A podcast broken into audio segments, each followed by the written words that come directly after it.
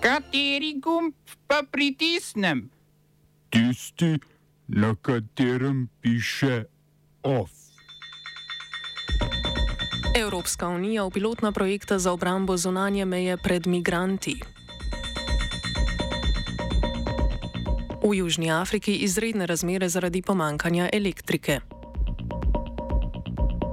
Reforme plačnega sistema, zamrznitev napredovanj ter večje razlike med najvišjo in najnižjo plačo.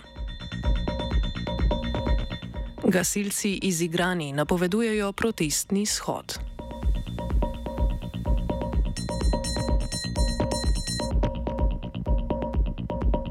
Svet Evropske unije je po srečanju predstavnikov držav članic odobril dva pilotna projekta za varovanje zunanjih evropskih meja.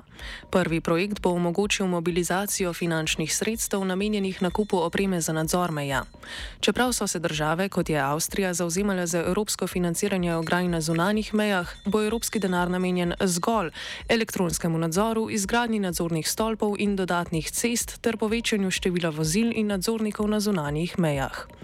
Drugi Drugi projekt se bo osredotočil na enotno vrednotenje migrantov na mejah s povdarkom na vračanju migrantov, ki naj v Evropski uniji ne bi mogli dobiti azila. Predsednica Evropske unije Ursula von der Leyen. The second track was the main focus tonight. It relates to operational measures we can take now. The first one borders must be managed we will act to strengthen our external borders and prevent irregular migration. And for that, we will focus on two pilot projects on borders. In other words, we will provide an integrated package of mobile and stationary infrastructure from cars to cameras, from watchtowers to electronic surveillance. This requires EU funding it is welcome bilateral funding and or bilateral contributions, and of course, it also requires national funding.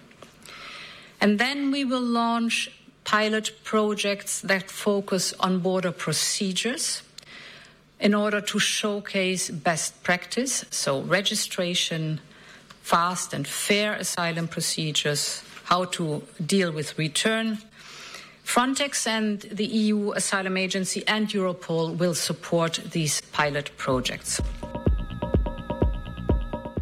Stranka Zveza za Albance se je pridružila vladni koaliciji v Severni Makedoniji. Vladna večina bo tako močnejša za 8 poslancev, ponovem ima 72 poslancev v 120 članskem parlamentu. Vlada Dimitri. Dimitarja Kovačevskega se je s tem približala dvotretinske večini v parlamentu, ki jo potrebuje za spremembo ustave. Kovačevski namreč želi bolgarsko ljudstvo uvrstiti med ustanovna ljudstva makedonske države. Kakor upa makedonska vlada, bi to odpravilo bolgarsko blokado vstopa Severne Makedonije v Evropsko unijo. Z vstopom Zveze za Albance v koalicijo se sicer ne strinja koalicijska partnerica Alternativa, tako da bi lahko vlada izgubila štiri njihove poslance.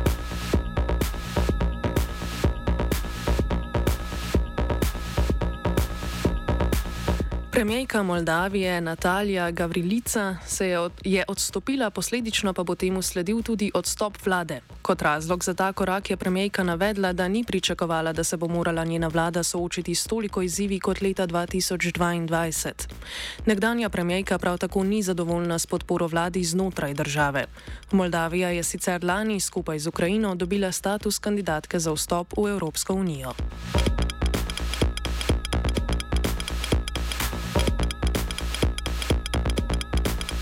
Delovska stranka Kurdistana, krajše PKK, je zaradi potresa napovedala ustavitev operacij v Turčiji. Sovodja PKK-ja Žemil Bajik je dejal, da ustavljajo vojaške operacije v Turčiji, če jih tudi turška država ne bo napadala.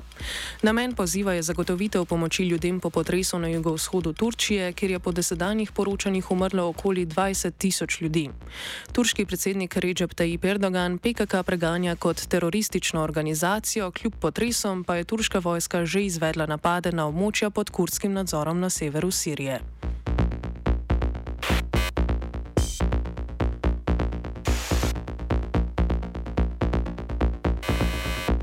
Južnoafriški predsednik Cyril Ramaphosa je razglasil izredne razmere zaradi krize z elektriko. Državo že več dni pestijo izpadi elektrike, ki trajajo do 8 ur dnevno. Poleg gospodinstv so prizadeta predvsem manjša podjetja v državi. Namen izrednih razmer je preskrba bolnišnic z elektriko in nakup energetskih virov od sosednjih držav. Vzrok izpadov elektrike je povečano povpraševanje po električni energiji. Državno energetsko podjetje ESCOM ni zmožno proizvesti dovolj energije, predvsem zaradi dotrajanih obratov. Ramaphosa je napovedal tudi novo funkcijo ministra za elektriko, ki bo reševal krizo. Poleg tega v Republiki Južni Afriki nimajo dovolj pitne vode, kar je prav tako posledica dotrajane infrastrukture in pomankanja padavin. Dostop do pitne vode ima manj kot polovica gospodinstv.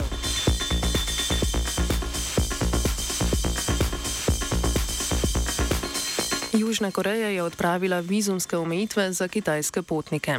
Na današnjem antivirusnem srečanju je južnokorejska vlada odločila, da bodo državljani Kitajske znova lahko pridobili kratkoročne vize. Razlog za odločitev je izboljšanje razmer epidemije COVID-19 na Kitajskem. Omejitve za vstop kitajskih potnikov je Južna Koreja uvedla na prelomu leta, potem ko je Kitajska opustila svojo politiko ničelne tolerance do COVID-a.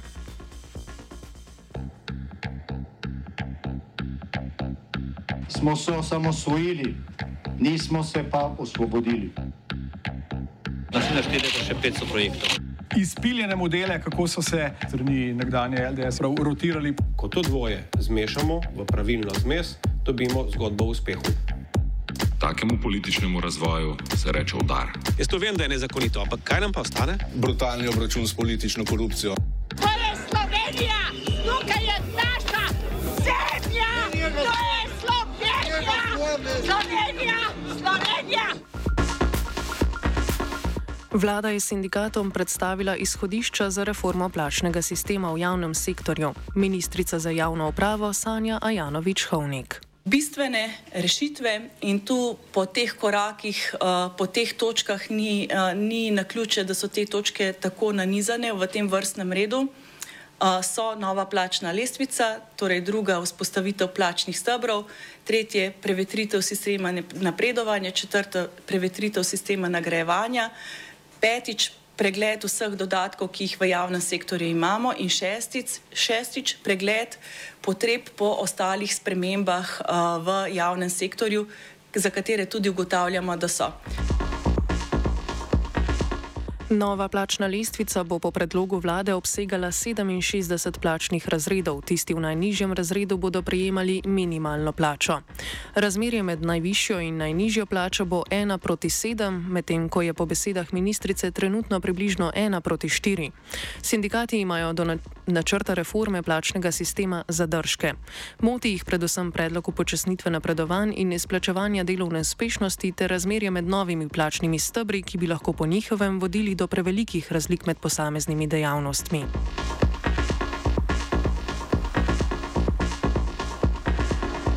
Sindikat poklicnih gasilcev Slovenije bo naslednji četrtek izvedel protestni shod. Generalni sekretar sindikata David Švarc predstavi razloge za napovedani shod. Te naše zahteve, se na te naše zahteve vladna stran lahko pač ugotavljamo, ni odzvala nikakor. Ne razen, bom rekel, sestanka, ki smo ga imeli z ministrom Šarcom, ki nam je pač na nek način pojasnil, da, nam, uh, da nima nekega vpliva, ne, da bi se uh, naša delovna mesta uvrstila v više plačne razrede in nekega suho, suhoparnega um, dopisa, ki smo ga prejeli strani Ministrstva za javno upravo, ki, kjer nam pač razlagajo, da so pač pravosodni funkcionarji, med drugim na njih so se oprli v neki drugačni poziciji kot smo mi, ne? kljub temu, da vemo, da smo plačani vsi iz iste malhe, ne? iz javnih sredstev.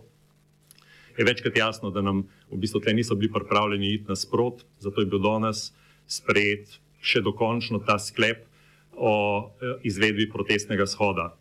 Tako da um, to je bilo pač potrjeno, nažalost, v bistvu nismo bili, bom rekel, tle uslišani. Ne? Vse, bom rekel, tiste obljube, ki so bile znotraj gasilstva večkrat že dane, um, tle, bom rekel, niso padla na plodna tla in zaradi tega v četrtek 16.